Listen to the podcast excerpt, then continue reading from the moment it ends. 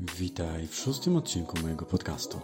Dziś odpowiemy sobie na pytanie, czy w naszej krwi płynie gen prawdziwego jaskiniowca. Dowiesz się też, po co jest nam w życiu potrzebne poczucie obfitości i jak je rozwijać w sobie. Zgodnie z tradycją, na sam koniec przygotowałem dla Ciebie specjalne, bardzo przyjemne ćwiczenie rozwojowe.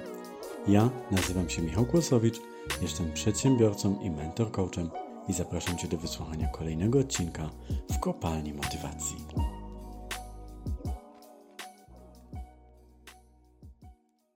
Na początek przenieśmy się jakieś 100 tysięcy lat wstecz, by poznać Freda i Gretę, para neandertalczyków, którzy są naszymi praprzodkami. Ta z pozoru szczęśliwa para prowadzi życie, które niewiele różni się od życia par z XXI wieku. Do ich głównych zadań w ciągu dnia należy przetrwanie i przedłużenie gatunku. Fred na co dzień zamartwia się, jak upolować jedzenie, samemu nie stając się posiłkiem, a Greta zastanawia się, co można zrobić, by powiększyć obecnie zamieszkiwaną jaskinię, by wyglądała ona podobnie do tej, którą mają sąsiedzi.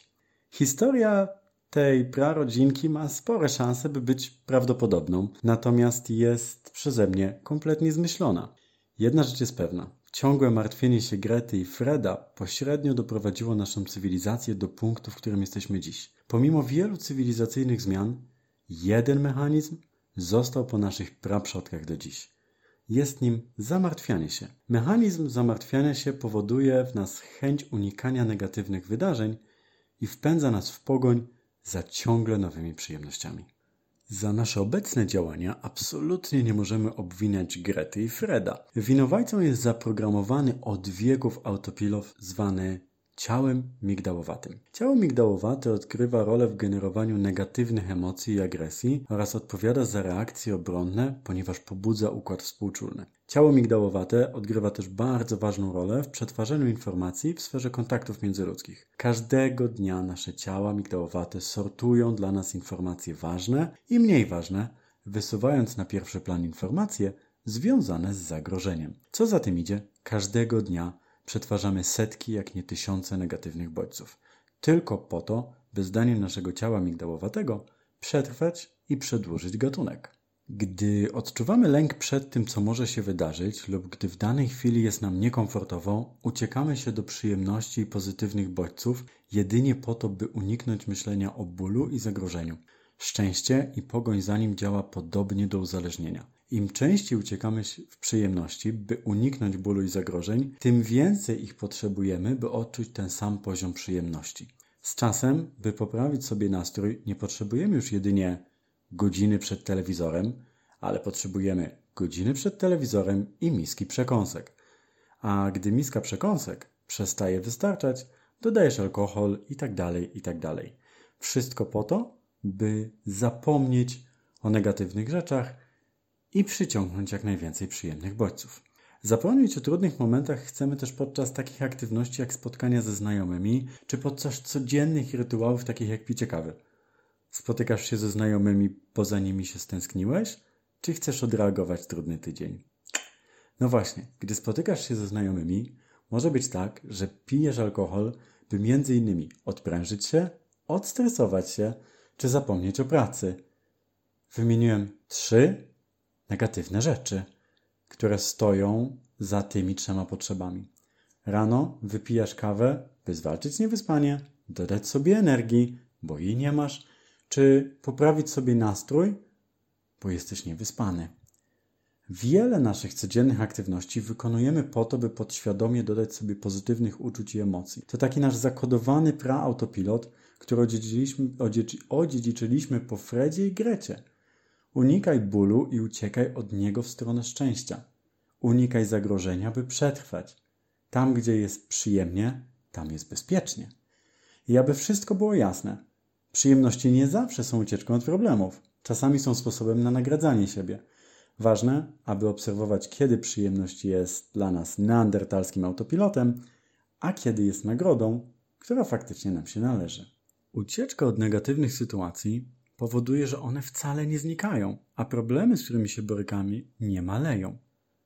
Chwilowo przykrywamy je zagryzając stres batonikiem czy wypalając kolejnego papierosa. Te wszystkie aktywności mają dać nam szczęście, ale gdy przyjemność się kończy, wracamy do punktu wyjścia. Problem jest nadal nierozwiązany.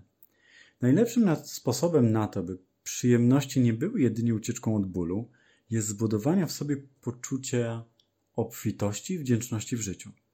Odczuwanie obfitości i wdzięczności zwiększa nasze poczucie bezpieczeństwa i powoduje, że stajemy się bardziej odporni na pojawiające się zagrożenia.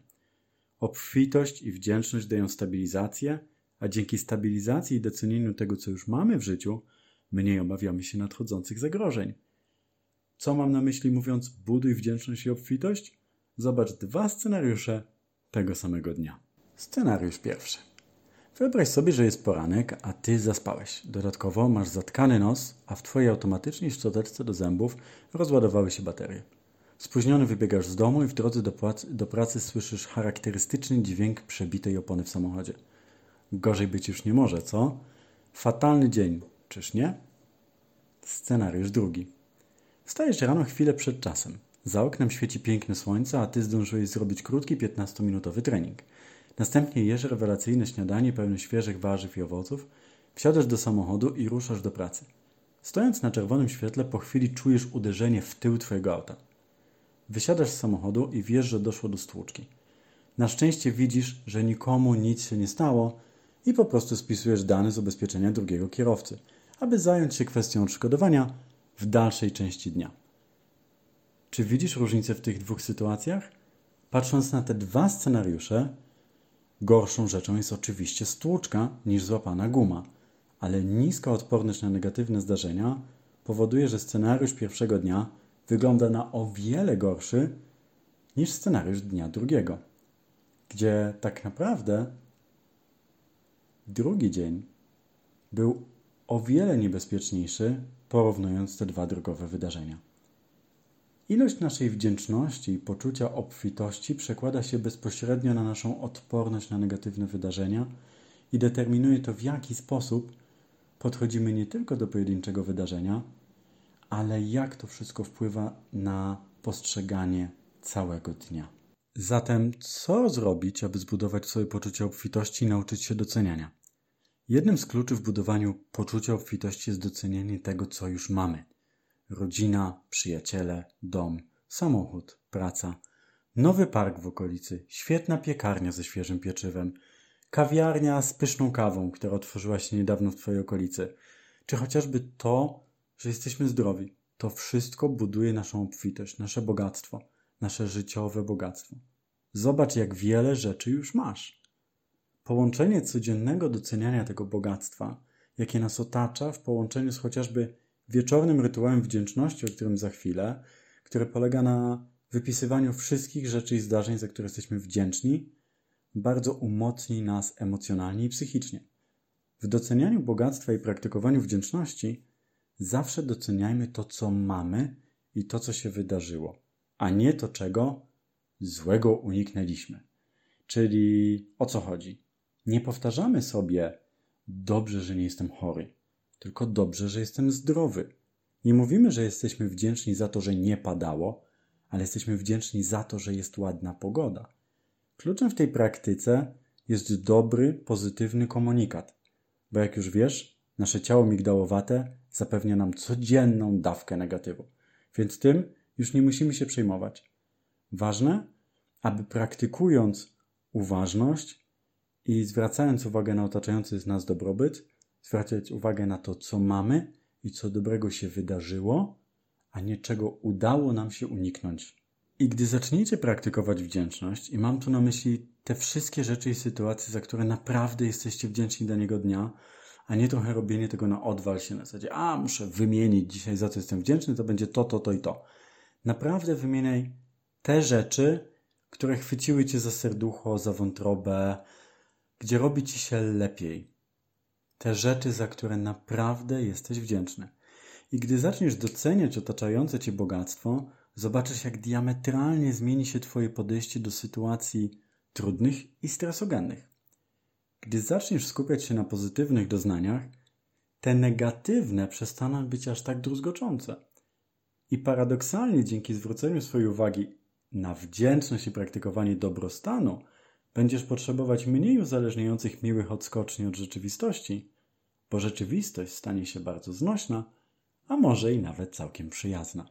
Podsumowując, w żyłach każdej i każdego z nas płynie gen Freda i Grety.